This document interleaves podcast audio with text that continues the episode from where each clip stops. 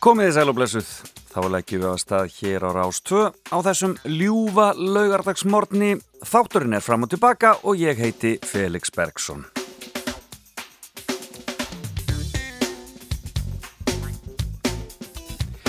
Já, það er ekki annað að sjá á vefmyndavélum en það sé allt svona frekar rólegt í gósið. Það verður gaman að fá fréttir af því það hvernig þetta gengur. Kanski fyrir við að halda gósloka hátíð fyrir en varir. Já, já, það er sumar. Alltaf gott að búa sér til ástæðu fyrir góðu partíi en eh, ég veit að þeir myndu gleðjast stíð í Grindavík og eh, við hugsum þangað auðvitað. Mikill þáttur framöndar þannig morgunin og eh, ég ætla að byrja á því að eh, fá hana Írisi Tönju Flíening leikonu hérna til mín en eh, hún eh, er að slá í gegn í þáttunum um köllu. Hún ætlar að koma í fimmu hjá okkur og svona aðeins að segja okkur á lífi sínu.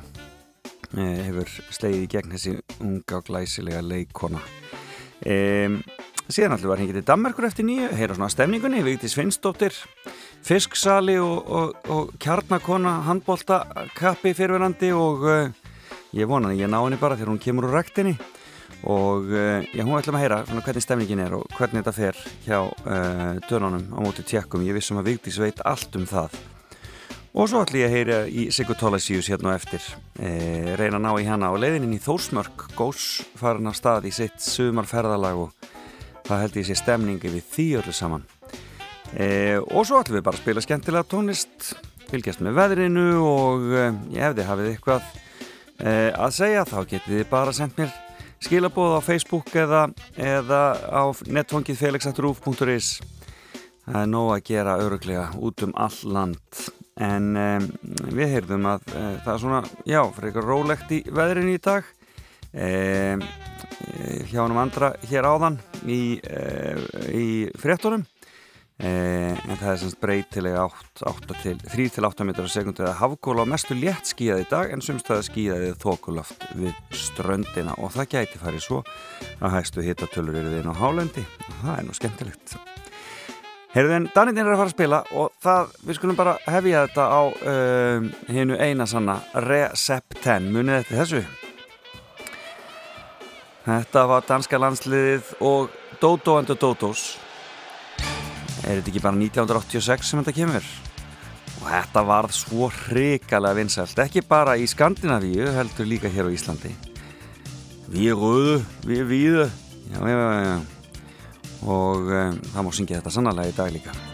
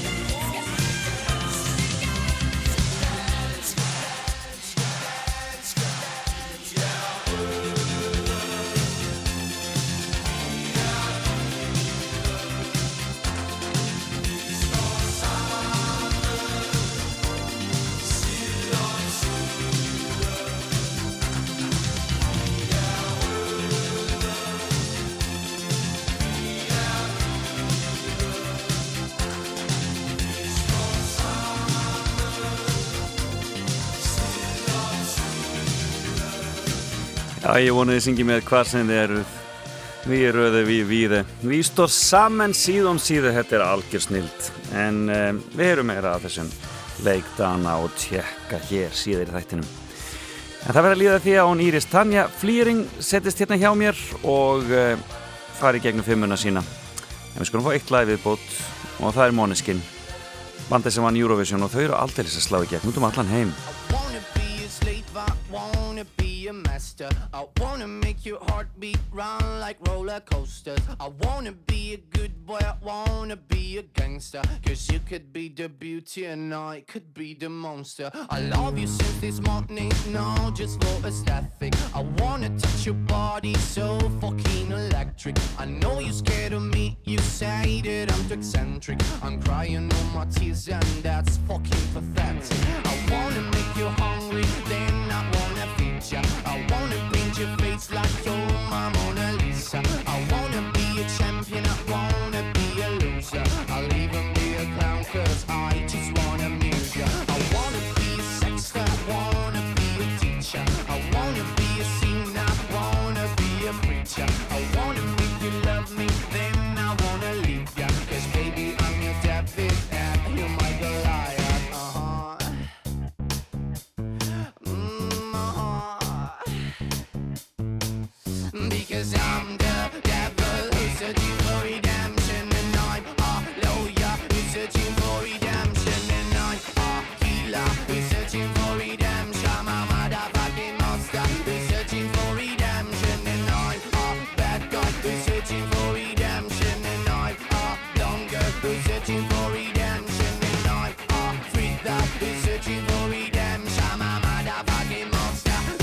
who's for redemption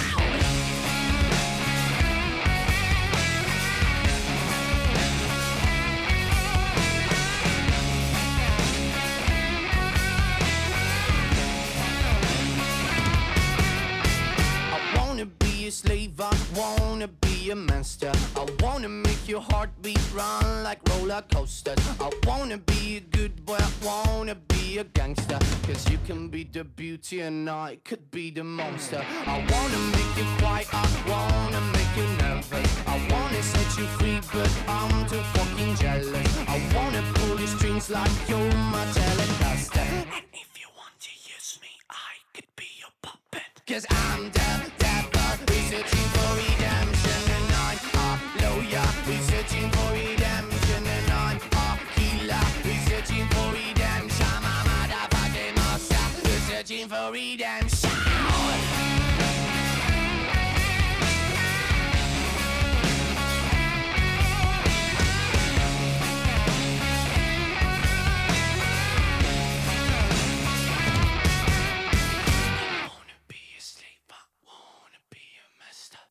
Já, segið svo að þau sem vinna Eurovision geti orðið alveg svakalega fræk í kjölfarið. Þetta eh, lag er á mikilli ferð út um allan heim og líka í Ameríku. Eh, þetta voru Måneskin og I Wanna Be Your Slave. Já, þá er sest hér hjá mér við mannandi morgunsins. Íris Tanja Flýring, værtu hjertalega velkomin. Takk fyrir. og til haf mikið með köllu Takk fyrir. Þú sagði mér árum við byrjum að rappa, það væri allir að ræða þetta við þig, hvert sem þú kæmir. Þetta er alveg, það liggur mikið á hjarta fólks Já. að ræða þetta. Allir að horfa. Já, sem er bara æðislegt Já, nákvæmlega. og, og bara skemmtilegt en svona, en líka bara skrítið Já. að átta sig á því að þetta, þetta er út um allt. Sko, þú, þú er náttúrulega unnið sem leikona núna í nokkur ár, en, en það er kannski svona sjónvarpið er aðeins Já. svona sterkari miðl heldur en, heldur en leiksviðið. Já, og það eru bara líka svo margir sem eru með aðganga þessu. Já, emi. Ég held að það sé um, það sem er svona aðeins öðru þetta er ekki línulegri dagskrá Mhm. og þetta er þetta gerist náttúrulega alltaf hratt Emi. þannig að þú veist, þetta er ekki ú, yfir einhver tíma, mamma senda hvað Nú, hvað er þetta? þetta er ekki yfir, þú veist, langan tíma og það eru svo margir sem eru með aðgang að þessu, kannski ekki margir með áskrift af einhverju sjónvarpi eða einhverju sjónvarstöðum, en þú veist, það eru rosalega margir sem eru með Netflix Já, akkurat. þannig að maður finnur alveg að fólk er búið að bingja þetta eins og Já, að segir. hám horfa þetta Já. alveg, sko. Já, einmitt. Já, mjög skemmtilegt. Gaman að sjá þið og gaman að sjá einmitt svona fullt af svona sem að fyrir sumum er svona ný andlit. Já, þannig að þú ert svona svolítið að koma fyrir sjónir margra í fyrsta skipti í Já, rauninni algjörlega. En þessi alþjóðlega, þarna, finnur eitthvað fyrir svona að það er eitthvað að gerast alþjóðlega í Já. kjálfarið þessu? Já, það er alveg það er mikil áhugi. Já. Um, Instagram síðan allt í hennu farin að, já, og bara svona kveðjur sko frá bara Sáti Arabíu, frá bara allstaðar að- úr heiminum sko. en skemmtilegt. Já, Mexiko og, og bara út um allt. Já. Þannig að það er alveg, það er skemmtilegt. En þú útskrifastu leiklist, sagði mér, 2016. Já. Varstu uh, lengi að ákveða að fara þessa leið? Já, Já. já, mjög lengi. Ég, það er nefnilega smá saga að segja frá því. Já. Ég var svo lengi að þrjóskast við. Já. Um, Pappið er náttúrulega leikari. Já, pappileikari. Valdimar og- Örn. Já, og ólst upp svona með annan fótinn í leikusinu og Auðvitað. alltaf hlaupundum baksviðs og að mann eftir bara minningum frá sem maður er í græna herbygginu að tepla við leikarina sem er að koma, þú veist, þegar þeir eru á milli sena Einmitt. og svo kom einhver annar og telta móti mér Já. og svo kom inn og svo var maður upp í ljósaklefa og, og þú veist, þetta var bara maður var hlaupandi um gangana Já. en að þetta var alltaf svona verið svona partur af mér Já. og leikarna í Dracula Greifa þegar ég var sex ára fyrir norðan Já, já, já, já. og í, í dúkku heimili hérna í þjóðleikúsinu Já. Þannig að maður er svona alltaf verið aðeins og alltaf vant eitthvað svona börn í, í bíómyndir og eitthvað svona, þannig að maður er alltaf svona verið aðeins í þessu Einmitt. en ég var og ég var þú veist sjálf dansari Já. í mörg ár Já, já, og ok. hefði ballett og, og alltaf alltaf að fara í það bara. en hérna svo bara svona ákveðja að fara í eitthvað annað fór hérna í mannfræði Já. og hef alltaf haft rosalega svona mikið áhuga á fólki og, og menningarheimum og, og svona þannig að ég fer hann í eitt ári í, í mannfræði og svo um haustið þegar ég er eitthvað svona einhverju smá tilvistakreppu þá eh, leik ég eitthvað næstu ykkur hennendi á gólfinu heim hjá mér og, og, og, og pappi segir jæja, hvað sér, hvenar ætlar að fara að hérna, gangast við því að þú sért leikona Akkurant. og ég Drama drottningin á gólfinu. drama drottningin á gólfinu og hann bara, hann sest svo niður svo fann, jæja pýra mín hann þeim kallum alltaf pýra mín Já. eh, hvað segir? Hvað, hérna, hvað myndur þú gera á morgun? Ef þú gætir ekki fengið neyfið því þú bara myndir garantir að fá já við því. Já. og ég segi ég myndi fara í, í indugubrófi í, í leiklistina. Og þá gerir það. Já. og ég gerði það. Og komst inn. Já. Og þar með var brautin ráðin. þar með var breytin ráðin. Og bara og þetta er alltaf svolítið svona fyrir og eftir þessa indugubrófi sko. Það eru rosalega, ég held að fólk áttar sig ekki alveg á því hversu mikið þetta tekur á. Já, tilfinningarlega Já, bara. þetta eru rosalega tilfinningar og svipan er rosalegt líkamlegt álag Já. og bara þetta voru, þetta voru marga vikur af bara spennu og, og stressi og, og hamingi og öllu og eftir því sem maður komst lengra áfram þá var löngun alltaf sterkari Auðvitað. og alltaf meira og meira í húfi sko. Einmitt. Þannig að þetta var alveg og ég þurfti stöðugt að vera að minna má bara það er ekkit mikla líkur á því ég komist inn. Nei, en ég fór allan tíman í gegnum þetta þess að vinkonum ég var í, í listaháskólanum á sama tíma þess Mhm. þegar ég er í indökuprjónum Mm Elma Stefania. Já. og hún sagði bara þú bara ferð í gegnum þetta hugsandi það að það þarf einhver að fylla þessi sæti Já, og af hverju ekki þú? Og ég var bara já, ok. Og bara fór í gegn bara af hverju ætti ég ekki að fylla eitt af þessum sætum? Akkurat. Og bara fór í gegnum þetta einhverju ótrúlega eðrileysi ég, ég hef aldrei verið jafn róleg í einhverjum svona krefjandi aðstæðum Þú náður að leggja dra drama drottningun til hliðar. Já, og bara leiðin að koma út á sviðinu Já, og svo akkurat. bara, en það var svo fyndið því ég gæti lítið tala við alla sem voru hérna í kringi prjónum, ég var alltaf einhvers þar í burta hugleiða. Já, akkurat. Ég bara, nei, ég verð bara að sóna út Já. Veist, og komast ekki inn í það var svo mikil æsingur, svo mikil orka og það Auðvitað, er svo rosalega, þú, ég er svo mikil fyririldi, ég fyrir svo auðveldlega inn í þessar orkur, þannig ég var bara, nei, veistu, ég verð bara að vera einhvers þar annar staðar og bara Kjarna, mér. kjarna þig. kjarna mig, alveg. En förum aðeins tilbaka, þú ert með fimmu sem að tengist í fimmu. því sem að þú hefur komið uh, við á lífsleginu öðru en leiklist. Já, Fimm vinnur, segir við. fimm vinnur. Já, það er spennandi. Uh, ég, einmitt þess að ég sagði, ég hefði getað farið í hérna fimm bækur eða Já. fimm leikonur eða eitthvað. En ég er þetta er svona líka því hversu mikið leikona ég er kannski Já. að ég er búin að vinna alls konar vinnur og alltaf að fara í einhver svona hlutverk Þannig Hver er að- svo fyrsta? Sko, þegar að verkfallið er þegar ég er tíundabæk Já, þá litist mér svo agalega, ég er rosalega orkumikil hvaða ár erst í tíundabæk? Já, nú sem nú er fætt 89 Já, það er þá í kringum ní, nei, eh, 2005, 6? Já, já, það er henni kringu 2004-05 um, Þá kemur þegar ég er í tíundabæk og, og mér litist svo agalega. Þannig að mamma ringir í vinkonu sína Já. sem er með hárgjörslustofu Já, og sér vantaði ekki nema? Og þannig að ég var bara mætt daginn eftir 15 ára 15 ára að vinna hárgjörslustofu sem nemi Brilja Já, þannig ég var að sópa gólf og, og setti permanent í hár og hjálpaði að lita og halda álpapír og, og bara vann þarna sem nemi. Já, og skemmtir þér vel Já, mér finnst var gaman, það var, mér finnst það gaman að skoða fólk og Já. gaman að, þetta er merkilegt starf. mm Þetta er, ég held að sé bara að þú ert í einhverju svona mikilinn nánd. Já, einmitt. Og þú einhvern veginn, þegar þú þarft að vera svona mikilinn nánd, þá þarftu einhvern veginn, veist, það, að sleppa. Veist, það er bara einhverja fykt í hárin á þér Já, og eitthvað. og er bara einhvern veginn onni í andlitanar og ég held þetta er eitthvað svona ákveðin losun. Já, og bara fólk talar.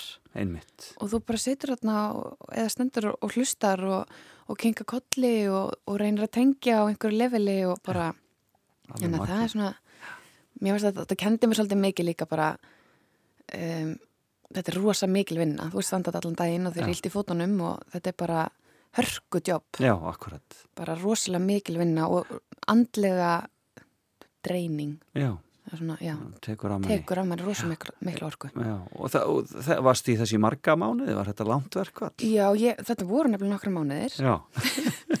Og svo var ég aðeins eftir á líka þú veist um sumarið og svona þannig að ég, mér fannst þetta hva, gaman hvaða harkurstof var þetta? Þetta er skala í lámúla Já, já, já, og er það enn sko já frábært Þannig að alltaf þegar ég fer þarna framhjá ég býn vel í lögadalinn, mann fara í apotekið eitthvað að sé alltaf skala og Já. mann þykir alltaf væntum þetta. Já, kíkir ekki til heimsók svona við við Nei, ég þyrfti nú kannski að gera það. Já, Já, það er mitt kíkja Hugmynd. á vinkonuna mömmu þannig í kaffi. Hugmynd. En ég hitti hana reglulega. Er uh, mamma þín eitthvað í þessum bransað? Hver er móðið þín? Er? Móðir mín er Ástís, Sigurðardóttir. Mhm. Hún er að vinna hérna í þessu húsi. Nú, Já, hún er ekki að vinna í Rúf, hún er Já. að vinna í Reykjavíkuborg. já, já, já, Hún er uh, sálfræðingur og er að vinna í svona uh, uh, bara að fara með stuðning heim og er að vinna með í unglingteiminu já, já, já. og já, er svona að hjálpa fólki Og félagslega. þ- þú hefur ekki viljað fara inn í þá, inn í þær Jú, kreðsur? Ég var alveg- alveg hugsað fyrir sálfræði. Mér langar að gera allt. Já, já, akkurat, ég heyri það. Bara, En það er alveg, ég hef alltaf verið svona. Ég, mér er alltaf langað að gera allt og, og, þá er kannski gott að vera leikon. já, bara fá að leika þetta Að einu svona að tvisar. Já, akkurat. Hvað er næsta vinna sem að kemur? Herðu, næsta vinna, það er sérst elliheimili. Já, Ég var að vinna á elliheimilinu Grund og ég var á frúargangi, það sem að voru bara konur. Og, er Þessa- þetta á mentaskóla árunum Já. Já, og þetta voru alveg uppáhaldskellingarna mína, sko. já, þeir eru alveg maður saknaði þeirra og, og, og hérna var spenntur að koma og hitta þeirra það var einanna sem að ég sérst með, með smá svona gildi plessur ég horfði alltaf að glasta vonir sko. Já, og hérna, og það var einn sem ég horfði alltaf að glasta vonir með. Já, og hérna, og svo var einn sem að var algjör svona dúlla og þótti svo gaman að velja sér skartgrippi og, og slæður og, og allt og setja á sig ylvatn og, og allar ringana og allt saman. Þannig að ég svona dundaði mig við að hjálpa henni við það á mótnana og var svona aðeins skömmu fyrir að ég var að taka svo langa tíma í að koma þeim fram úr á mótnana. ég skil þig. En hérna, en ég bara ólinaði staðis. Lest, lest það sem vindum eru þjóta. Já, að ég hugsaði bara að ég, þú veist, það- vilja þetta. það er, þetta er tími sem ég get gefið þeim og, Akkurat, einmitt. og þú veist, og til að gera hvað, ná þeim fram til að horfa á sjónvarpið eða ég, þannig ég vildi freka bara að gefa þeim þetta moment. Já, nákvæmlega. En skemmtilegt. En þetta hljómar nú svolítið eins og þú sérst nú bara strax aðna bara á unglingsárum farin að vinna svolítið sem sálfræðingur, fann að hlusta og hjálpa fólki og, og tala. Já, ég var alltaf að kalla það sálfræðingurinn í vinahopnum, sko. Nú, það er bara svoleiðis. Já, og er rosa mikið, ég, og ég þarf ég er búin að læra það gegnum árun, ég þarf stundum að passa sjálf á mig.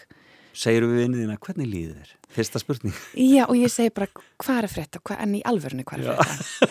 og við þarfum bara gott, nei, nei, Nei. en í alvöru, Já. hvað er frétta?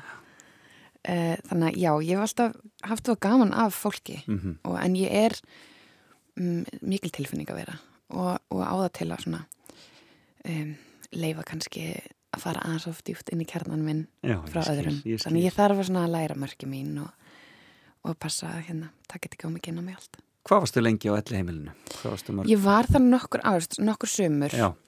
og tók svona einu og eina vakt með skólanum og, Mm og það gekk mér kannski svona svolítið brösulega, þú veist, ég þarna undir lokin var þetta orðið, þú veist, svo mikið í náminu og, og maður var í öllum vesla söngleikjónum og, og þú veist, þetta var alveg svolítið mikið þannig að þú veist, það, ég hætti þar svo. Já. Varstu semst í Vestló? Já. Hvar, hvar varstu í grunnskóla? Heyrðu, ég var í sjö grunnskólum. Nó, Já, það munar ekki um það. já. Veitu, hvernig er það hægt? Heyrðu, Það, er hægt. Það er hægt. Já, það er hægt. Uh, ég er sem sagt byrja fyrir norðan þegar pappi var hjá leikfélagi Akureyrar, þá byrja ég Ok. í fyrsta bekk þar í Lundarskóla. Já. Í öðrum bekk þá flyttum við til Bandarækina. Já. Ég var í einum skóla í, í LA og einum í Miami Já, já, og svo kom ég til Íslands Var þetta, var þetta make tíminn frægi? Þetta var hérna Þarna Calvin Klein. tímabili. Ég mæli með því að kíkja á YouTube Já, og tjekka. Valdimar Utflýring í Calvin Klein lögnin Þetta er geggið Þetta er 90s geggjuð auðlýsing. ég er Hún sammála er því. geggið. Við hlóum mikið að því þegar hann kom hérna til mín og var, við vorum að ræða þetta þá. Þetta er ég sko, við horfum, við bræðum minn, við flettum þessu reglu upp og sendum á milli, bara, bara minn ykkur á, bara glelan föstu dag, Þetta er pappiðinn. bara, þú veist, En hvernig fannst þér að búa í Ameríku sem batni? það var rosa gaman og ég held að þetta hafi alveg haft mikil áhrif á mig. Já, já. Um, ég læriði ennsku á því að horfa á litlu hafmeina, sérst Ariel, já á ennsku Já, já, já. og í skólanum bara. Og hérna, já, og bara var rosa fljót að pikka upp, ég er mjög fljót að læra ný tungumál. Og þú eru upplýðað að samfélagið, að það tók vel á móti þér og svoleiðis sem ég barni? man- ekkert eineltis eða svoleiðis? Nei, ekki svoleiðis ekkert, ekkert svoleiðis, ég, ekkert sem ég man allavega, ég Nei, man nei. eitt skiptið og glimti að fara einhvern í skóla, bíl eða eitthvað, mamma býður hérna á hotninu þegar skólabílinn kemur og ég kem ekki út og það fór alveg kerfi í gang. Auðvitað, auðvitað. Þannig að, en þá var ég bara eitthvað satt í eitthvað á kennarastofu, bara eitthvað að reyna að tala við þar og skildi ekkert og, og það er ekki mig, en, Nei, en svo bara fann maður út úr þessu en það var gaman að upplifa rekjavöku og, Já, og um þetta að fara í skólabíl og, og ég gleymi aldrei nestinu þar og þú veist svona að vera með bakkana og fá mat í mötunetinu og, og litlu hérna kókomjólkuferðundnar og þetta- ég, ég gleymi þessu aldrei já, já, akkurat, það er skemmtilegt. þetta er alveg- og við vorum alltaf með hérna vassbrúsa sem að mamma sett alltaf í fristi kvöldið áður Já. og svo tek ég hann í, í skólan daginn eftir og þá er vatni kalt allan daginn Já, það er bara klakinn þinnar yfir daginn Og það var náttúrulega verið heitt þá. Já, mjög heitt. Í, í Los Angeles. já, mjög heitt sko Dásanlegt. Og hvað, hvað aðra grunnskóla? Heyrðu, svo- Hvað, hverjir fengu aðra að njóta þín? þeir sem fengur líka að njóta voru, þessu, flytjum svo heim Já. og þá fyrir ég í hlýðaskóla um, í hérna hálft ár, eitthvað leis svo, eða ekki einu sinni það uh, en, og tók strætó í skólan á árbænum á hverjum degi en þarna var skólinn tvískiptur, ég man alltaf eftir Já, ég var eftir Já. uh, svo fer ég í melaskóla, flytjum í skerri fyrir þinn Mhm. uh, ég fyrir þriða bekk í melaskóla svo fyrir við aftur í hlýðarna þegar við vorum búin að fá íbúðan okkar uh, í drápuliðinni þá og var hann í fjórða og fymta bekk í hlýðaskóla flytjum svo yfir miklubröðan í skaftaliðina Já, og þá er ég komin í hátiskóla Já, og er þar í smá tíma. Svo uh, fer ég aftur í hlýðaskóla Já. eftir það. Já. Þannig að það er svona hlýðaskóli sem svona Það er svona- rauði þráður. Já, það er svona rauði þráðurinn og, og svona, já, ég myndi segja Með svona útúrdúr, með hlíðaskóli. svona útúrdúrum. Já, Já, svona smá stoppanast þar. skemmtilegt. En síðan Vestló, og það hefur verið, verið góðu tími þar eða hvað? Mjög góð tími en mjög krafendi. Ég sérst, flutti mjög snemma heimann og, og sérst, bjó einn þannig að menn ég var í mentaskóla og vann í Mhm. mötunitinu og, já. og hérna og var að kenna ballett og þau myndi kemur inn á það líka sérna. Já, er það næsta starf? Það er, já, eh, næsta starf. Já. Það er ballettkenslan. Ég var sérst að kenna litlum dúllum hann á föstudum og lögatum. En gaman. Já, og, og Hjá listanskólanum þá? Eða? Nei, ég var hjá ballettskóla þetta skefing Já, já, já. og hérna var með þessa litlu dúllur Já, og yfir allan veturinn og einhver svona sömur á vorunamskeið og Já. síningar í borgarleikusinu og Hvernig finnst þér að kenna? mér finnst það æðislegt. Það alveg æðislegt. Og líka eftir útskrift í Veslu tók ég fleiri hópa að mér Mm en þurfti svo að hætta þar að því ég verða ófrísk. Bara stuttu eftir útskrift. Og, uh, en ég kendi alveg kasólétt alveg og bara Úf, og fyrstu mánuðinir, ég var svo hræðilega lasin, ég var að kasta upp á með læfinga, Ég ég var bara og snúið við og gera hinn meginn og, og fór svo af sig og kasta upp og kom aftur inn og Já, hérna hér. þetta var alveg Já, það var, það, var það erfið meðgóka þá eða? Já, var það sko. Um, ég er ekkert rosalega mikið búin til fyrir að ganga með börn Nei, eh, eða fæða þau, þetta eru keisarabörn. já, Uh, hérna, ég var rosalega lasin já, og, en ég var mun veikari á setni meðgangu Já, með dóttu mína. Þá bara var ég á livjum og upp á spítala í vökva og já. bara kasta upp 10-15 sinum á sólarring og bara, þetta? En þú ert þarna komin sem kornung með barn og, og, þarna, og uh, ennað kenna ballett, já, en skemmtilegt. já. Vastu, va, tókst þér alltaf að halda dansnáminu til streitu þráttur þessar flutninga og svo leiðis? Já, mér tókst það sko. Já, um, að því að um leið og við og verið flytjum heim Já. ég var alltaf hjá ballettskóletu skefing mhm, en þegar við flytjum heim hann í öðrum bekk það eru sjö ára og fyrir ég indökupröfur í e, listnaskólan já, og var þar bara alla mína skólagöngu þá til ég slít þarna. já, sem heldur, heldur bara. já, ég slít þarna þegar ég er í áttunda eða níunda bekk Já. og það var rosalega erfitt að vera í ballett eftir það. Já, bara að finna að því ballett snýst um stjórn einmitt, og að hafa ekki þessa stjórn Nei, á akkurat. þessum já, ég slít þarna út um, uh, lærfiða frá setbeini. Já, og hérna og það var bara sárt að hérna get ekki gert það sem Nei, ég gata akkurat. og þetta er í rauninni ekki, að, ekki aðgerð, Nei, semst, þetta að er bara látið bara, já, þetta var bara ekki það mikið það hefði verið bara meiri uh, vinna eftir á. Já, en ég finn fyrir þessu alltaf, ég finn fyrir þessu núna þegar þú situr. Já, eh, þannig að ég, þetta er bara svona, ég þarf að vera duglega að hérna, tegja og, og reyfa mig og Það gleymaði náttúrulega margir að, að, að ballett er ekki bara listgrein heldur líka gríðarlega mikil íþrótt, þetta er náttúrulega bara reyna klára íþrótt og meðisl. já, þannig að þetta eru bara mikið, um rosalegt líkamlegt álag Akkurat. bara heldur fólk svona, þú veist, og við látum þetta lítið út fyrir að vera rosalega eðvelt og fallegt en erum með blóð í skónum og, og rennandi svita. Bara, en æðislega greisfúl og æðislega yfir Akkurat, akkurat, og ég er að repast í set, í set tögin Ég set og tánum brjóta með flestar tætnar allavega einu sinni. Já, hérna hér, Þannig að svona er þetta. Heyrðu, við skulum fá uh, uh, síðustu uh, hérna á eftir, við skulum taka okkur smá pásu. Já, Áttu eitthvað upp á slag þessa dagana? Eitthvað samt að Eh, hlusta á meira en annað? herðu, já, Já, þú mátt spila lag sem var að koma út í dag. hvað heitir það? Það heitir Skinn með Vög. Já, Vög er svona eina mínum upp á hljómsveitum. bara, bara join the club Já. Ég fæ að vera með þér í því Já. Hlustum á nýja lagi þeirra, skinn Æði. There's something in the water. There's something in the way. I wanna get further out of this cold trying so hard to cover up my tracks. I'm going through a change now. I'm going through a hard phase.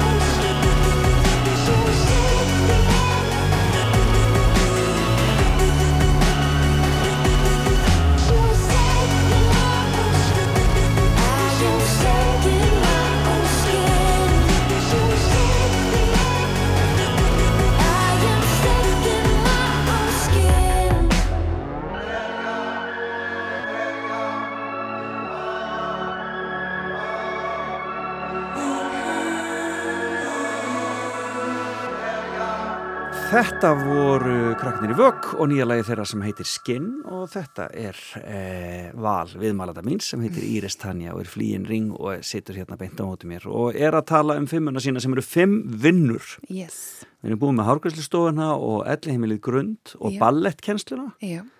Hver er fjórða vinnan sem svona Herðu, það- rekur okkur í gegnum lífið þitt? Ég valdi þetta sérstaklega út af þér. Nú, Það er sem sagt umferðarskólinn.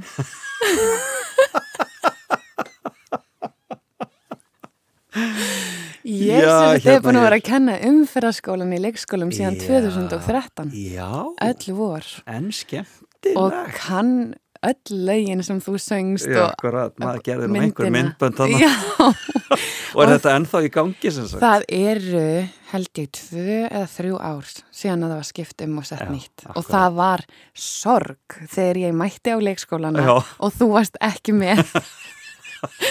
það bara kennarinn er búin að vera þarna í 10-15 ári Já. þegar bara er, er ekki myndin. Já. Ég bara nei. Eitthvað að nýtt. Já, við erum að gera eitthvað í því. Já.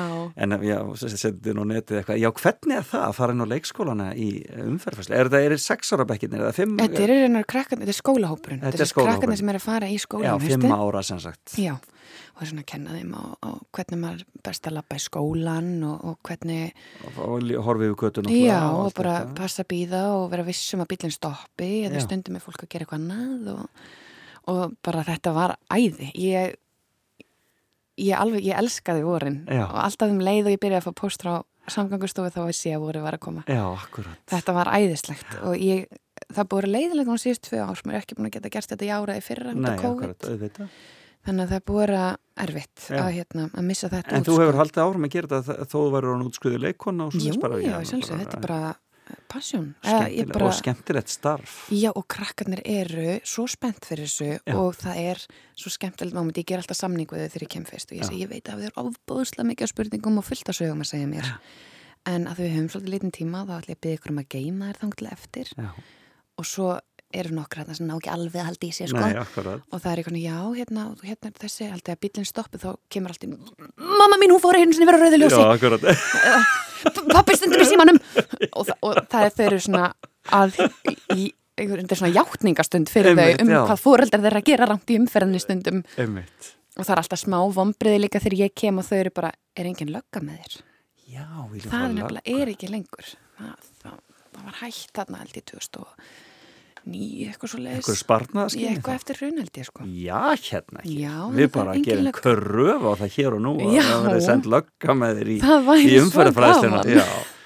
Já, og það líka held ég að hjálpi krökkunum. Já, en við ég er alltaf með svona smá kennslu og máta hjálmin á þau og með svona smá töfrabragð og eitthvað. Frábært. En þetta er, mér finnst þetta æðislegt og, og alveg sama þó að maður kemur inn og, og veist, það er einhverju kannski sem er búin að sjá fanga eða búin að sjá mig eða veit hver ég er og Já. bara, þú hér og ég bara, já. En það, veist, þetta er bara æðislegt, þetta er svo skemmtilegt og þetta er bara leiksýning. Einmitt. Í raun og veru er þetta bara leiksýning á, á ferð. Já, Ég bara fer inn í leikskóla, akkurat. ég tekki vel svona 35 til 40 leikskóla. Já. Þannig að þetta er svona 2, 3, 4 ef það er mjög þéttu dagur Já. á dag. Og þetta er bara mjög skemmtilegt. Þarna, þessi sko frílandstilvera, þetta að vera svona laus við og vera að gera það bara það í rauninni þau verkefni sem komu upp eða sem þið langar til að vinna, líkar þér þessi tilvera vel?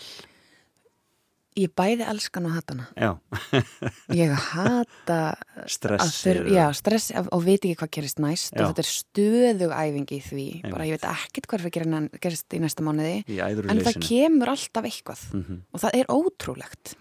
Og þetta er það sem að pappi þarf alltaf að vera tannlæsta með því ég ringi. Ég vera, "Æ, þetta er það bara, það kemur alltaf eitthvað Já. og verður að slaka. Og þangar til að bara ferða að finna þér eitthvað annað að gera, fara að vinna í ísbúði eða eitthvað. Nákvæmlega, já. og hérna og það var alltaf verið svona og ég er svona, já það er eitthvað svona bara ef, ef þið fannst það skrítið þá er það egoið þitt og þá þarf það að vinna í ykkur öðru Já. þannig að þú bara ferð og gerir það sem þú þarf að gera en hann er ennþá alveg upp í dag sko Já, það er bara í þessu. uh, og hérna og bara já, en svo náttúrulega minnst ekkert gaman að reikna út skatt og lífeyri sjóð Nei, og nei, eitthvað, þú akkurat veist að vera sína eigin verktaki. Nei, en svo er þetta samt líka ég, ég hef reynd að vinna 9-5 vinnu Já, og þetta er bara ekki fyrir mig Nei.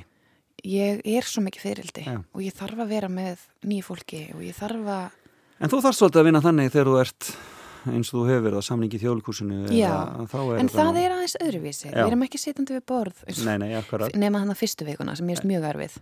Það sem við þurfum að sitja á borð og yfirleitt er í staðin upp eftir svona tvo tíma að fara að gera hnjabegur. Svo eins og börnir á leikskólanum Já, ég, Það að ég tengi það bara að við gera, það þarf að gera við þig samningum að þú sitt nú í þessan Sittu nú fram að hádegismat. þá færð að reyfa þig eftir hátegi En þetta er alveg, ég er yfirleitt staðin upp að gera einhverja tegjur einhverja akkurat. balletreifingar eða, já, voða erfitt með að setja kér. aðeins að koma líka á annar stað Já. frábært. Heyrðu, hvað er fimmtastarfið? Heyrðu, fymtastarfið, það er. Mm, Ég veist búin að vera að vinna sem flugfræði Já, mörg ár. já, Byrjaði já. hann að 2012 Já. að vinna sem flugfræði já. Og þá í fullu starfi á köplum Já. og bara raða í kringum á dagan á milli Já. umferðarskóla og, og hljóðbókalesturum og einhverju. Og fyrir hvað flugfélag vinnur þá?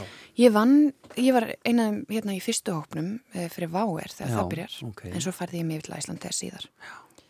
Og ertu ennþá að gera þetta? Ertu Nei. ennþá að fljúa eða Nei, er það eitthvað sem þú átt möguleika á að gera?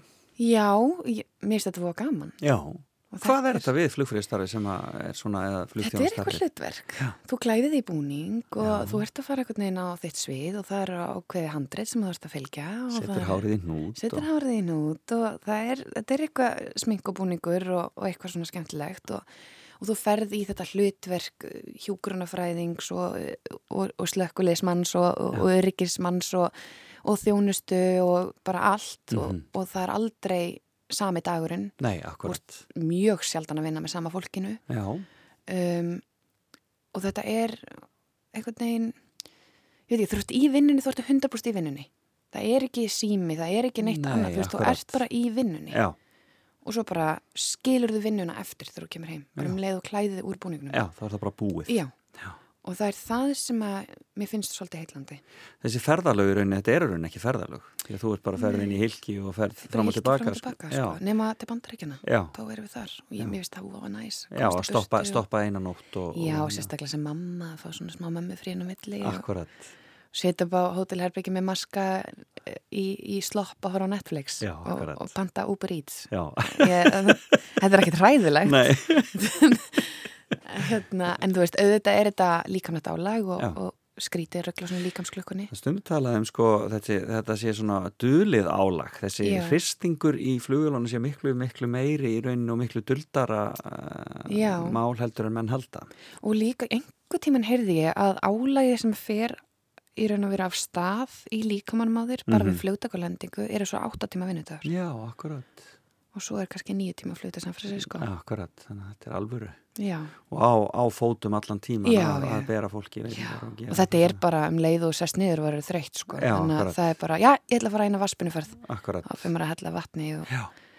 Bara svona til þess að halda sér Já, gangandi. einhvern og maður þarf líka að vera, maður þurfum endalist að vera að tjekka á klósettunum, við þurfum að fara inn í flight deck og tjekka á, á flugmönnunum og, og það, þetta er bara, já, mikið. En hafður þennan draum þegar þú varst lítirstelpa, ekkert tíðan að vera flugfræja? Mamma vinkonu minnar var flugfræja Já. hjá Æslandir og mér fannst hún alltaf svo flott Já. í búningnum og með komandi frá bandaríkjum mann sko skrítið nammi og, eitthvað svona, mér fannst þetta alltaf svolítið spennandi Já. og ég hef alltaf verið mjög hrifin að ferðalögum og ólst upp bara í útilegum á sömurinn sko Já. þannig að ég, já, alltaf En hvað með útrána? Ertu með útrá? Hefur haft hana í gegnum tíðina? Hefur það langað til þess að vilja heimdraganum og vinna eitthvað starf annar starf á Íslandi? já, og í raun og veru myndi ég vilja gefa börnunum mínum það Mhm. af því ég fekk svo mikinn lærdum af því að búa erlendis Já, og að ferðast og ég mann þegar ég var alltaf brjálið út í fóreldra mína af því að við fórum aldrei í svona pakkaferðir og allir hinnir í skólanum voru alltaf í svona pakkaferðum en við vorum alltaf í einhverjum svona heimilisskiptum í einhverjum fjallaþorpum í Fraklandi Já. að skoða steinastrendur og því fannst það ekki spennandi. mér fannst það ekki spennandi Nei, eða einhverja kertaverksmiðju eða, eða Chanel ilmvarsmersmiðju en þig langaði í pa pakkaferð. Mér langaði í pakkaferð þar sem ég gæti fengið ís allan daginn og rent mér í rennibrautum En í dag Nei, ég myndur ekki fara. myndi ég aldrei skipta því að þegar maður myndi ekki svona viti hvað landi maður hefði verið það er hótelinu reyns Nei, nei, það var nú svolítið þannig, sko. Þannig að þetta er allt öðruvísi og ég býr ósla að því, ég gleymi aldrei ferðinu okkar til Sardinju í pínu litlum Fiat Panda með ynga loftræstingu, fimmana fjölskylda Já, að kæra um sko en það, ég mun alltaf búa við þessum minningum Já, akkurat, algjörlega. mm En hver, hver er svona þín staða í dag með tvö börn? Um, ert í sambúð og svo þess? uh, Ég er fráskilin Já, en við erum óbáslega góði vinnir já, já. og búum í sama hverfi og, og þau bara hlaupa á milli og, og hérna bara, já, hefði til dæmis ekki geta verið í þessum tökum Nei, í fyrra nema bara fyrir hvað það er gott samkomulag. samband Já. milli okkar og, og, Og mamma mín líka, hún náttúrulega bara er eins og önnur mamma batna minna, hún er bara með likla heima og, og bílstöl í bílnum og, græðir þetta. Svona á að gera þetta. Já. almennilegt. E, e, það var, alltaf fangar fyrst og síðan Katla sem svona þarna eh, hafa verið svona stóru, stóru vörðurnar. Já, En hvað er framöndan? ófærð kemur í haust, Já, ég er í, í ófærð þrjú já, frábært. og svo er ég fyrir tökur í, í verkefni í haust sem ég má ekki tala um, Er það íslenskt eða erlend? bæði, Já, frábært, spennandi. já. Þannig að það er semst ímislegt að gera svona í kjölfarið og kemur þetta í kjölfarið á köllu þá í rauninni eða hvað Já, bæði og. Já. Það er alls konar sem er búið að vera í bíkir í, í svolítið tíma Mm en svo eru líka verkefni svona aðeins að, að, að hrannast inn núna Já. Eftir þetta. En ófærð þrjú áttur að vera annað svona stórt Já, það Dæmi. fyrir inn á Netflix það líka. fyrir hann á Netflix líka og, bara, og öll serían eða ekki, öll, öll trílógían held Já. ég að ég að fara inn á Netflix þá. Já, Það verður óskaplega spennandi. já. Eh, aðeins svona í lokin um köllu, Mhm. viðbröðin, hvernig, hvernig hefur þú upplifað viðbröðin við, við seríunni? Mm, ég held bara jákvæð. Já. Það er nú ég ekkert nema jákvæð af öllu sem allir er að segja og, og ef þetta er ekki einhvers tepulli þá er þetta ekki einhvers tepulli. Nei, Og það er bara allt í lagi. Þetta er sci-fi, þetta er ekki fyrir alla. Ég er svona sci-fi og fantasy lúði, sko, þannig að ég myndi alltaf að harfa þetta. Þannig, er og þú alveg... naust þess að taka þátt í þessu? Já, rosalega. Og allar þessar pælingar um undirmeðutund og, og bara, ég minna, álfasögurnar okkar og allt. Stórkostlega skemmtilegt. Já, Kemur er- mannfræðingurinn upp í þér? Kemur mannfræðingurinn upp mér og líka bara í raun og veru sem Íslendingur. Ég minna, það hafa allir heyrt þessar sögur Já, já. og, og ég minna, svo einmitt önnur vinna sem ég var að vinna, ég var að vinna í Blá Lóni smá tíma og var að með svona einhverja hérna, túra þar og þá var maður að segja frá álfasögunum og, og þú veist tröllunum og öllu og þannig að þetta er svo stór partur á okkur við höfum alltaf reynd að útskýra allt í líf okkar og í heiminum bara líf, dauða, tilgang lífsins náttúruna, allt með einhverju veist, ásatrú eða, eða kristinni trú eða hvaða trú sem er eða álfum eða tröllum þannig að En Þetta- kannski, kannski leynist það bara í yðrum köllu eftir allt saman. já, Við skulum ekki segja mikið. En þarna, ég nauti þessu virkilega að horfa og gaman að sjá Takk þig og ykkur fara kostum þarna á, á, á kvítatjaldinu. takk hérlega fyrir En e, við erum þá komið með þessar fimm vinnur. já, Þetta var skemmtilegt að fara í gegnum þetta og Já. við hlökkum til að fylgjast með afrikuðinum í framtíðinni. Takk. Hvort sem það verður á sviði eða, eða í sjóvarpunni eða, eða á kvítatjaldinu. eða inn í leikskólum Eða inn í leikskólum að kenna umfyrðafræðsluna. Íris Tanja Fríðin, kæra þakki fyrir komuna í fram og tilbaka. takk fyrir að fá mig Þjóðvegur, þú veist þessi númer eitt Þar sem þegnarnir aka bæði vitt og breytt Vegur einn á báti, ekki síst af því Að hann endar bæð og byrjar einum punkti í Ef lífið er vegur, er vegur þá líka líf. Ég veit bara það að ég andrumsloftið klíf. Kominn upp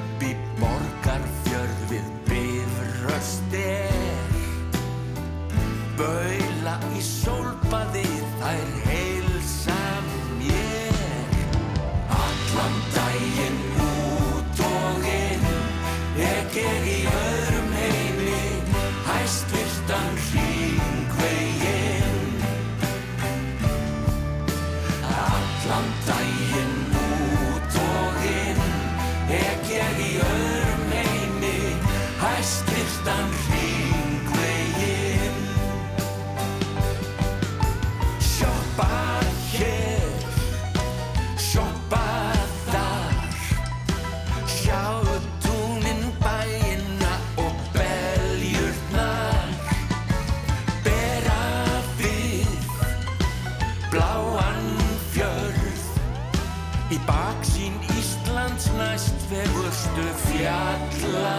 good.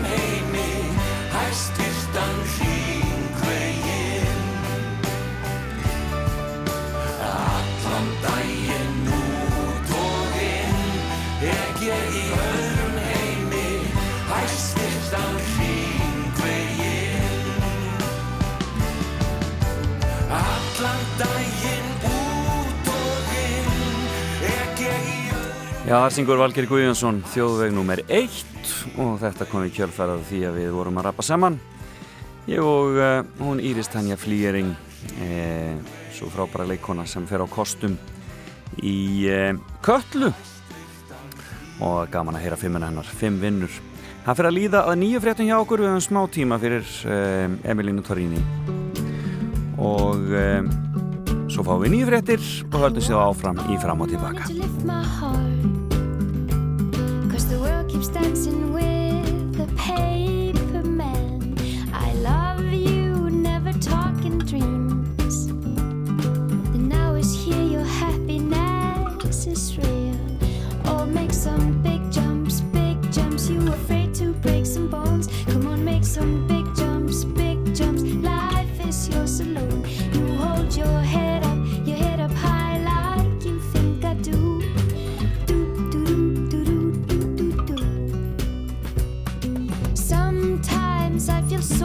confused. I'm under the illusion that I have to choose. I love you, always know the way. The way back home always is the same. Oh, make some big jumps, big jumps. You afraid to break some bones? Come on, make some big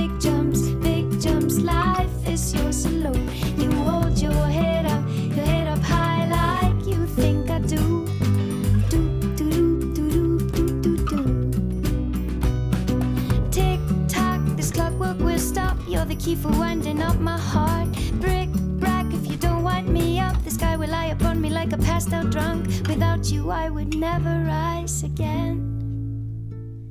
Without you, I would never rise.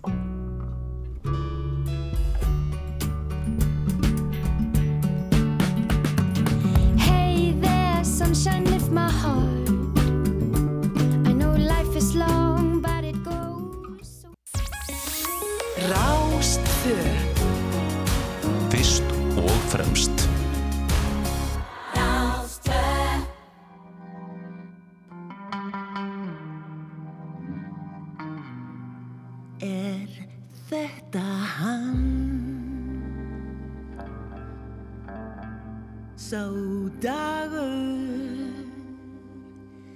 sem þarf ekki að toga í Fléttunar á okkur til að við elskum hann?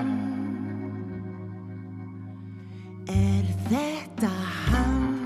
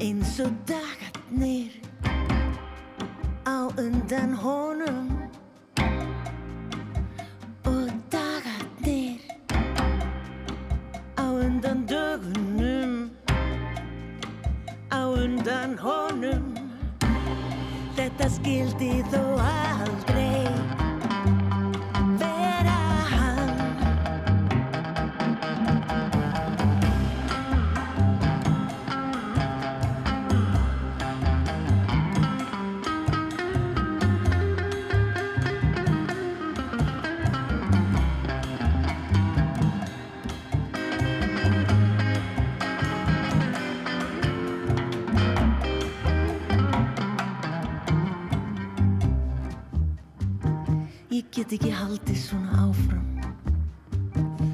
Einhvern daginn verð ég eftir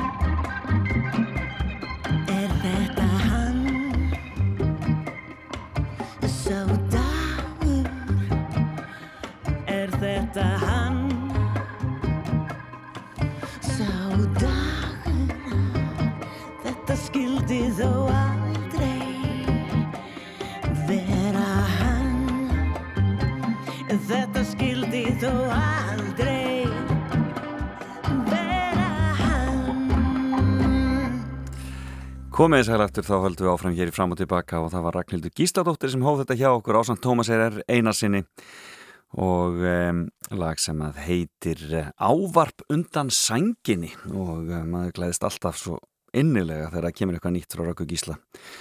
Hún er rödd, hún er rödd þjóðar, hún er frábær, algjör þjóðar gersemi. Já, uh, þeir eru að hlusta fram og tilbaka og við hefum eftir að heyra í skemmtilegu fólki hér á þessum klukkutíma. Til dæmis getið Dammerkur í eina Vigdísi Finnsdóttur eh, sem er að kynna dönum almennilegan fisk og um, Sigriði Tólasíus ætlum að reyna ná í líka eftir sem eru á leiðinni með gósinu inn í uh, Þórsmörk. Nú er gósið komið á ferð og það er nú, sum, það er nú sumar bóði fyrir marga. Og ég veit að margir eru komnir á ferðina og það er sérstaklega vinsalt núna þessa dagana heyri ég að, að eh, fara að stað með hjólísi. Það er aðalmálið. Farið bara varlega, elskutum mínar, hvar sem þið eruð, fylgist með veðurspáni. Eh, hún er ágætt í dag bara held ég hreinlega. Heyrum meira því hér og eftir. En fáum aðeins meira af músik. Hérna er það Clash, Should I Stay or Should I Go? Og svo förum við að kíla á að ringja til Danmarkur.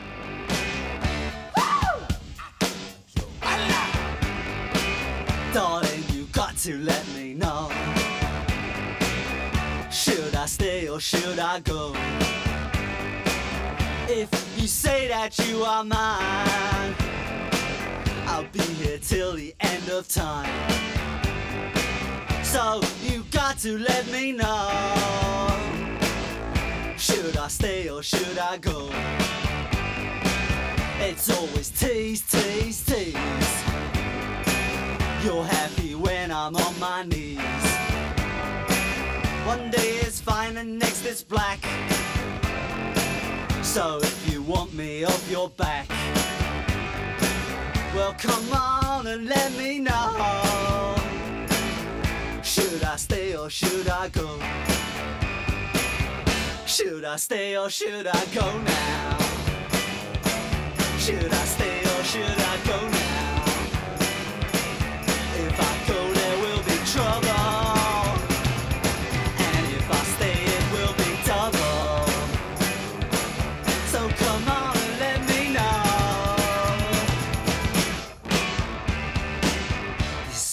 These indecisions bugging me. If you don't want me, set me free. Exactly whom I'm supposed to be. Don't you know which clothes even fit me? Come on and let me know. Should I cool it or should I blow?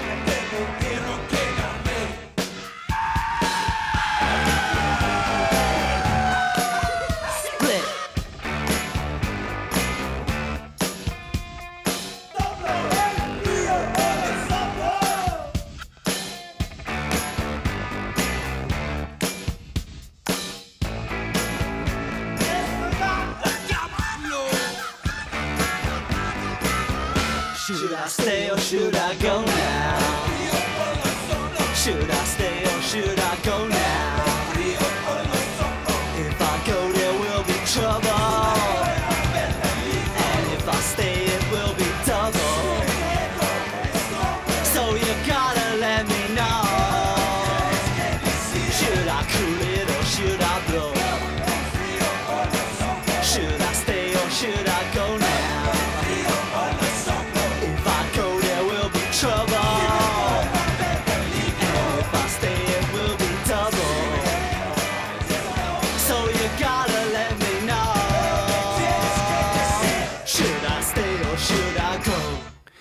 39 ára gamalt eh, en sándið algjörlega briljant.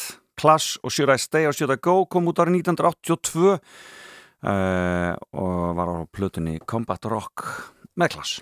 Kúrðu bara áfram og hlustaðu áfram og tilbaka á Rástvö.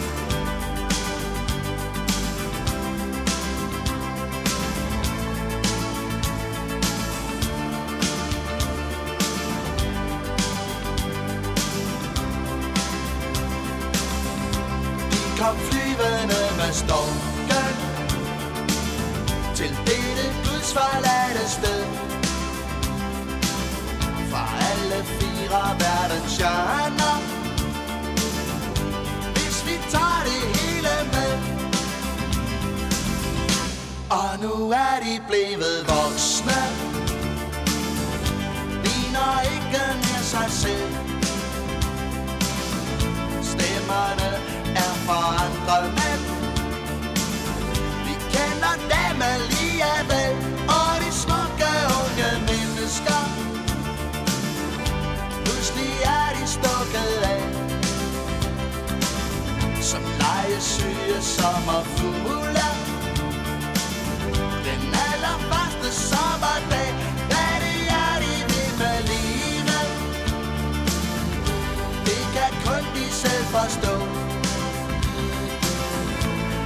smukke unge mennesker. Vil de lægge livet må Der var nogen som blev tilbidt Andre måtte nøjes med. Digitale vuggestuer.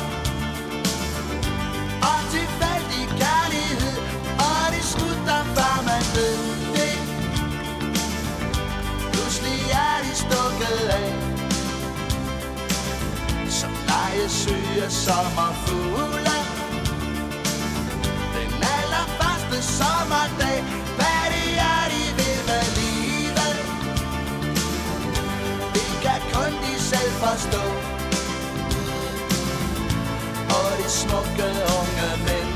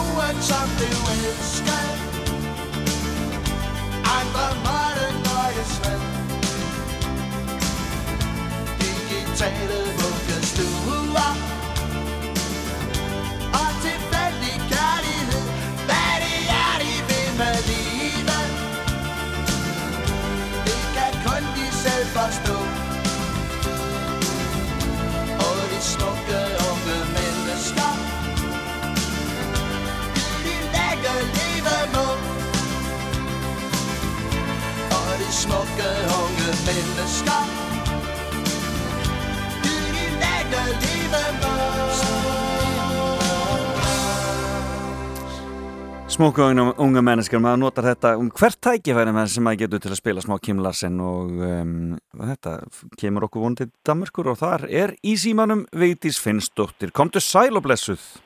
Sætla blessaði Felix.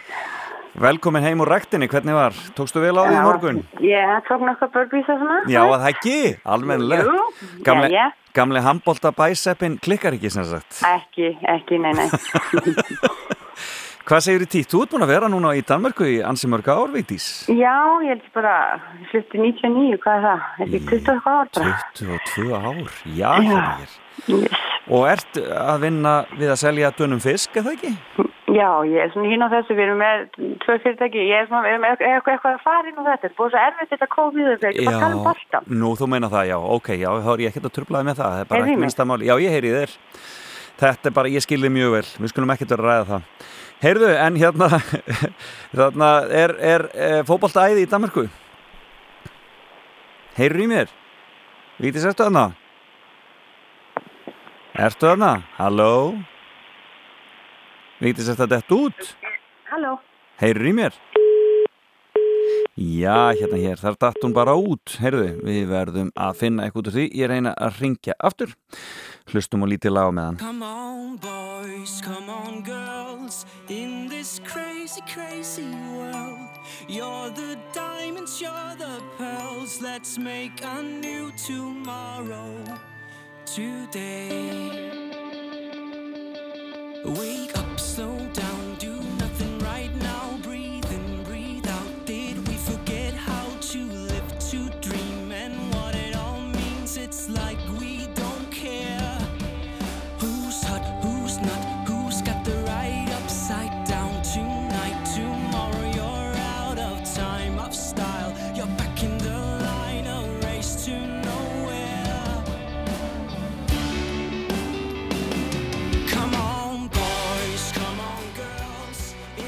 Já, við skulum reyna aftur með hana Vigdísi. Hún er komin aftur á línuna og uh, heyri mínu. Sæl og blessuð, ertu þarna? Vigdís, heyrir í mér? Nei, ég trúi þess ekki. Það er eitthvað vesen á þessu öllu saman. Heyrir í mér, Vigdís? Nei, hún heyrir ekki í mér, þannig að við verðum bara að spila A Friend in London og reyna eitthvað annað.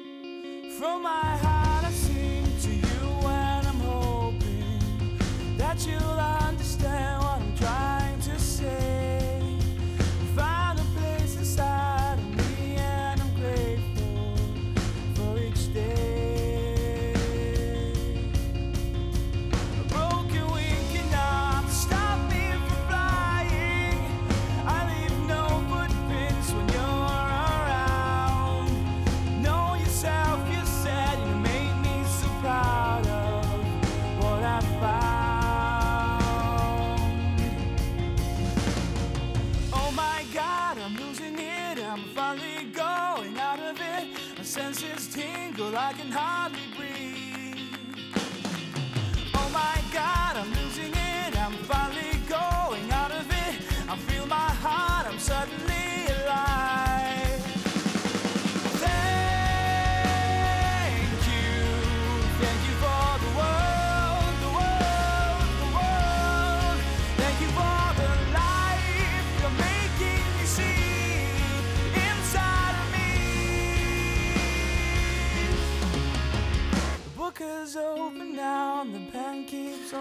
Já, svona fór nú það að við bara mistum sambandi við Vigdísi e, í e, Danmarku. Vigdísi Finnsdóttur, ég þarf nú að finna út af þess að ég þingi Siggu Tólasíus hér á eftir en e, e, en Sigga saði, nei hún Vigdís saði mér það að það væri mikil stemning í Danmarku. Allir komnir í rauð og hvítu treyjuna og flaggað í öllum húsum Eh, og eh, menn mjög spenntir fyrir þessum leik við tjekka í kvöld. Og þetta er svona fyrsta sem er að gerast eftir COVID eh, og komin svona eldur í augun á dönum aftur sem að eh, henni finnst mjög magnað að sjá.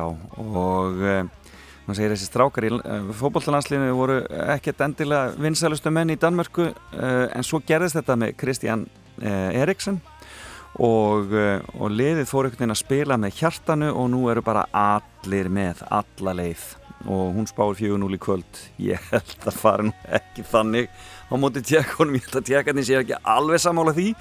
En uh, það verður rosalegu leikur og um, auðvita uh, einhver staðar djúft inni uh, veit maður dönum allt þið besta í þessu. Og vonast eftir nýju ævintýri eins og var 1992 en um, við vonum bara að ná vikti sektu en síðar uh, hér í fram og tilbaka hlustum á dyktu og uh, höldum með Danmarku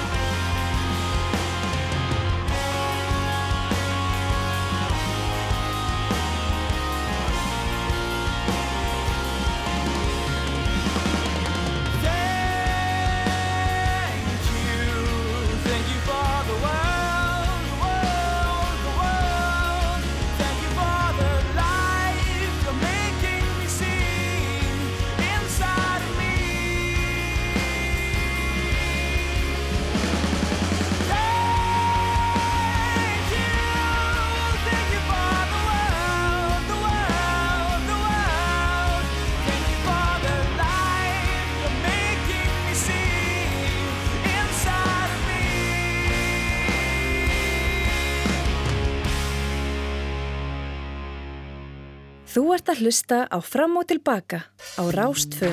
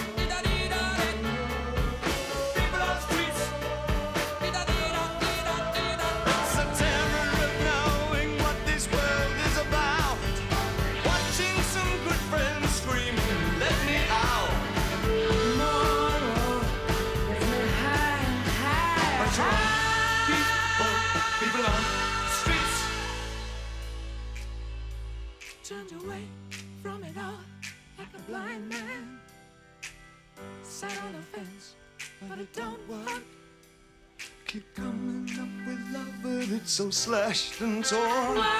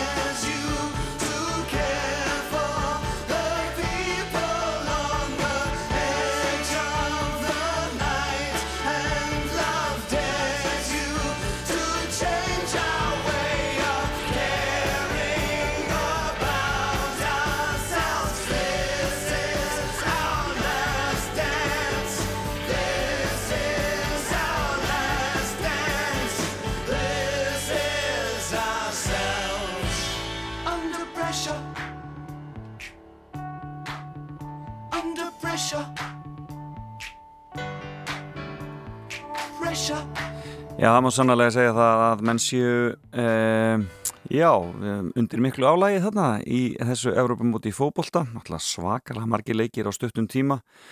Og uh, leikirinn í dag eru sem sagt Tjekkland-Danmörk, klukkan fjögur í dag. Og uh, síðan í kvöld er það uh, Úkræna og England sem mætast. Og uh, Það verður nú eitthvað líka. E, e, Úkræna mun ekki gefa það eh, frá sér baráttu laust. Margir mjög spenntir fyrir e, ennska landsliðinu og þeir náttúrulega eru svo hefnir þeir hafa ekki þurft að ferðast neitt á meðan annur lið hafa verið mikið á ferðinni, Úkræna þar á meðal. E, þannig að það er þeim mjög í hag englendingum en þeir e, þurfa að vísu að ferðast fyrir þennan leik e, í dag. Um, og um, já, það verður spennandi. Spennandi að sjá hvernig þetta fer allt saman. Tjekkarnir er búin að vera frábærar á mótunum líka þannig að Danir eru svo sannarlega já, þurfa að eiga góðan leik til þess að taka tjekkana það verður spennandi. Um, Við ætlum að reyna að heyra í Sigur Tólasíus hér og eftir. Vonandi virkar síminn þá. Velkomin á Fætur. Fram og tilbaka á Rástfö.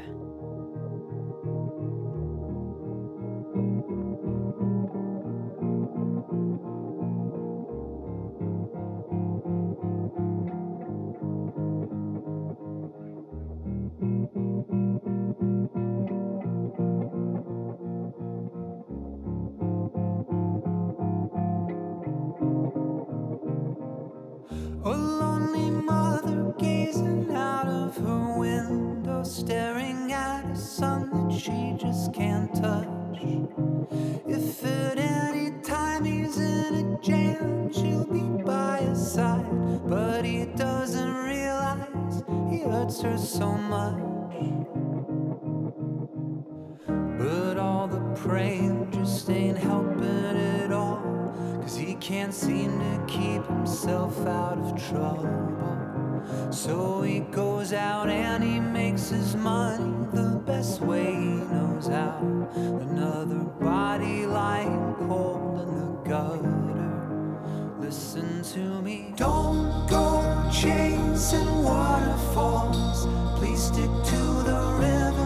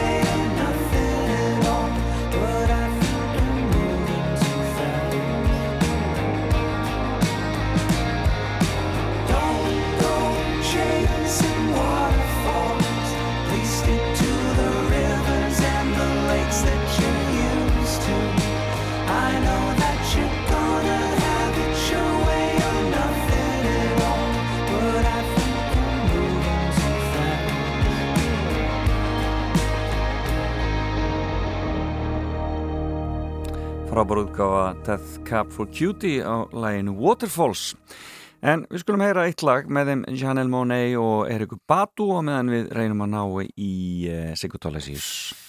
Það lag heiti Queen.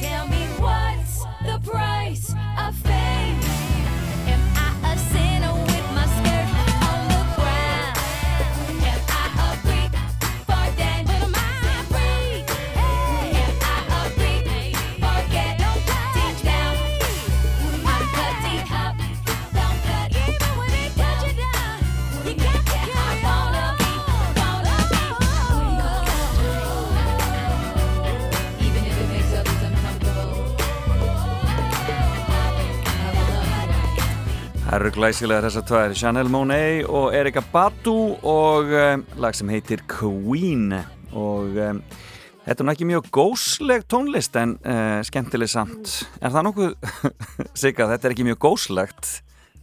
Ekki svona við fyrstu, þetta var fyrstu hlustun. En ég vissum að þið gætu gert úr þessu eitthvað svona, Já, reyndar er það náttúrulega kannski svolítið sem við erum að gera. Taka, alls konar svona hérðan og þaðan og, og, og hérna setja í eitthvað svona sveitabúning. svona í ykkar búning, algjörlega. Já, Gaman að heyri þér, hvað ertu stödd, elskuleg? sem er leiðis.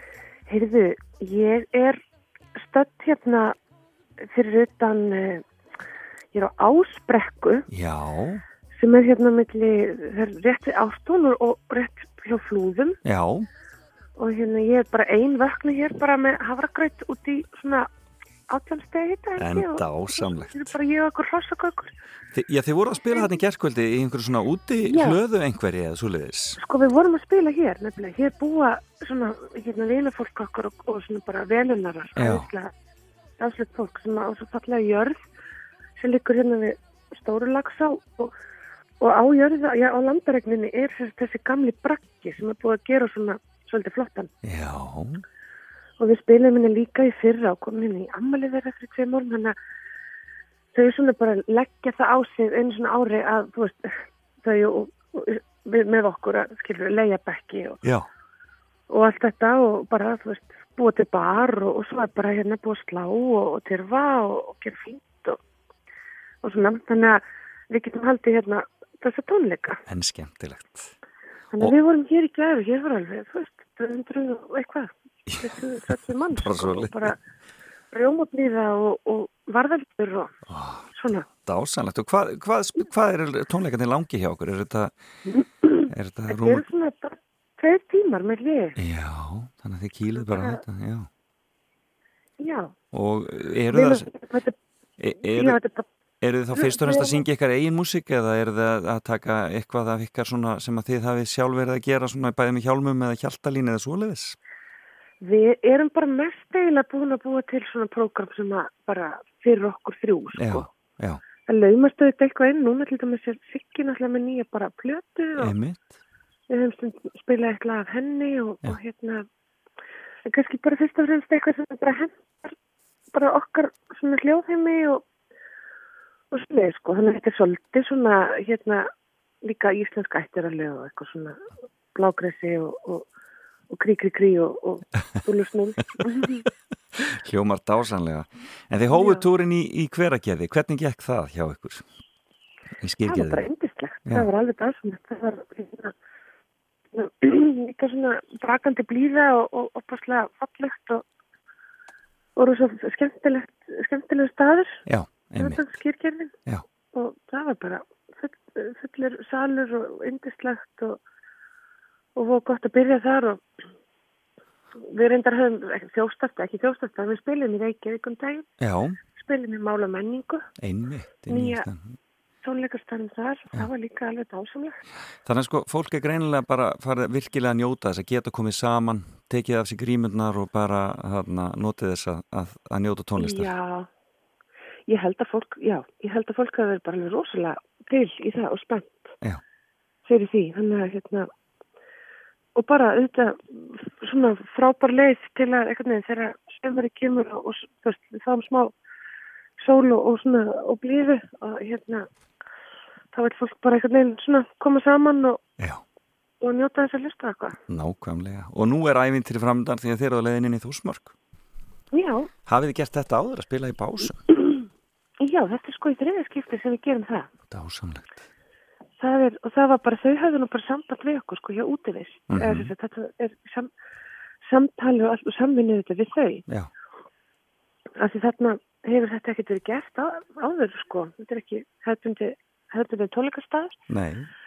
En við hérna, spilum þá bara úti, undir bara byrjum himni.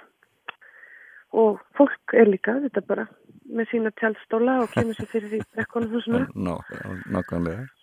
Þannig að hérna, það er náttúrulega alveg dásamlegt og hefur, við hefum sérst, þetta er í þriða skipt og við hefum náttúrulega verið svo heppin með veður af því að það er eiginlega ekkert plan B, sko. Það Nei. er engin, þetta er bara, það gengur eða gengur ekki. Já.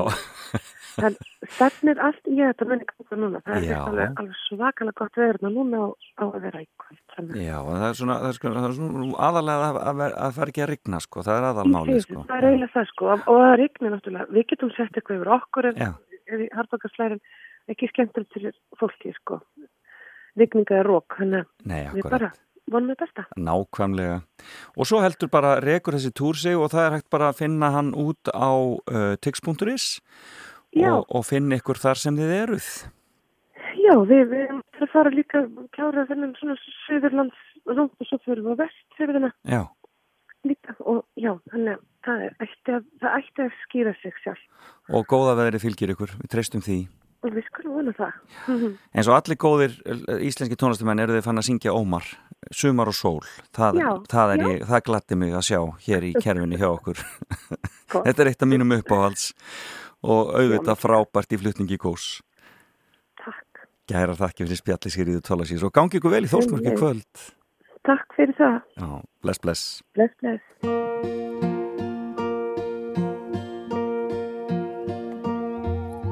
Nú er káttum borg og bæ, börnin syngja ha ha hæ.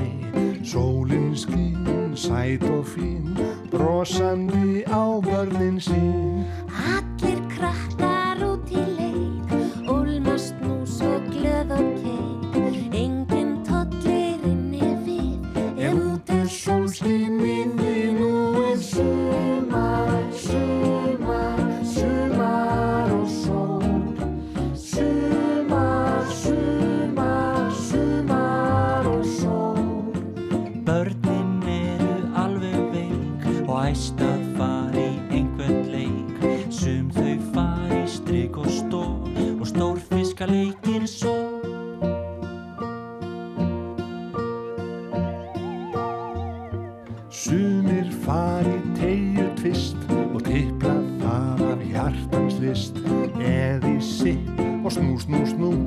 og sangassinn er vinsæll nú. Strákar fari í fimmura hark Og fótbolta þeir sparki mark. Í þrautakóng þeir keppast við og klifru vekk og hliði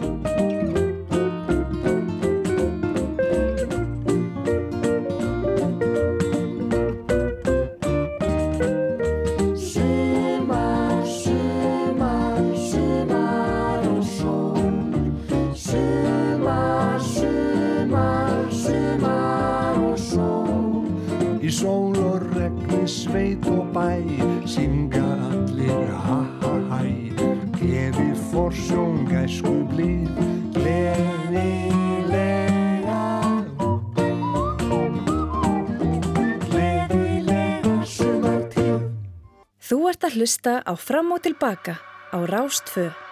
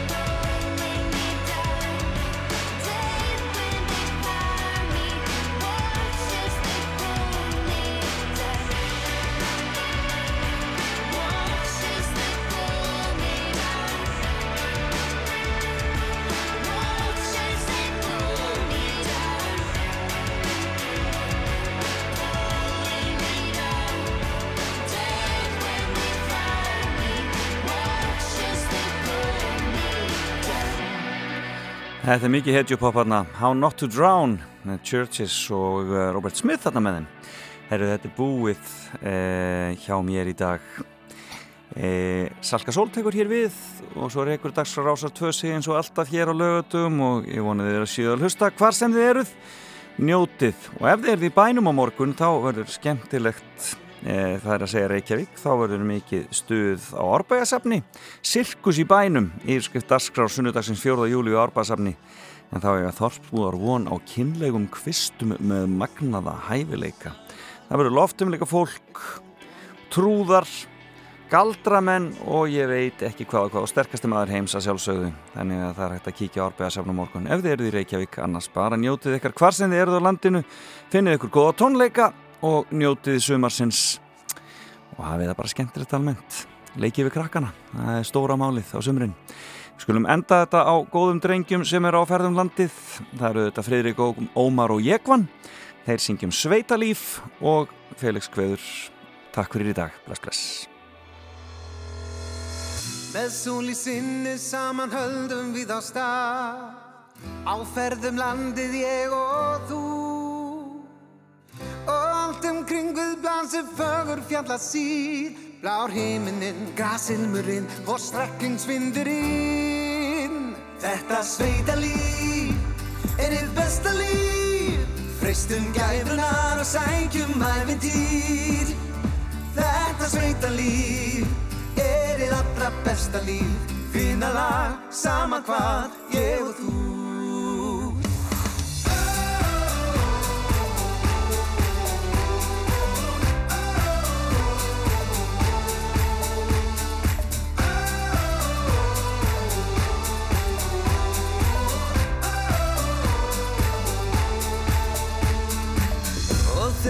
komum við á áfangastað Þá gerðan skortir okkur orð.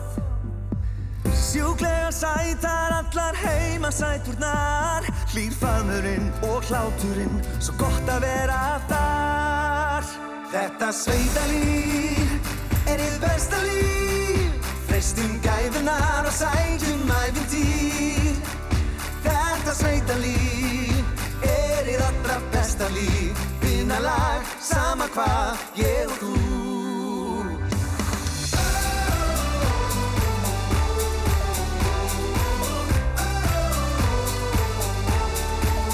Ég og þú.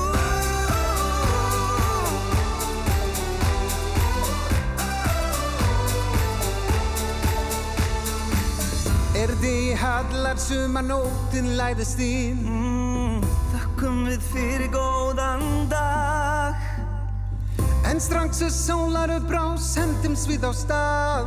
Í dalina og fyrðuna Hittum við þið þar Þetta sveita líf er þitt besta líf. Freistum gæfinar og sækjum æfintýr Þetta sveita líf er þið allra besta líf. Vinnalag, sama hvað, ég og þú Þetta sveita líf er þitt besta líf. Freistum gæfunar og sækjum æfintýr Þetta sveita líf er þitt allra besta líf. Vinnalag, sama hvað, ég og þú. Vinnalag, sama hvað, ég og þú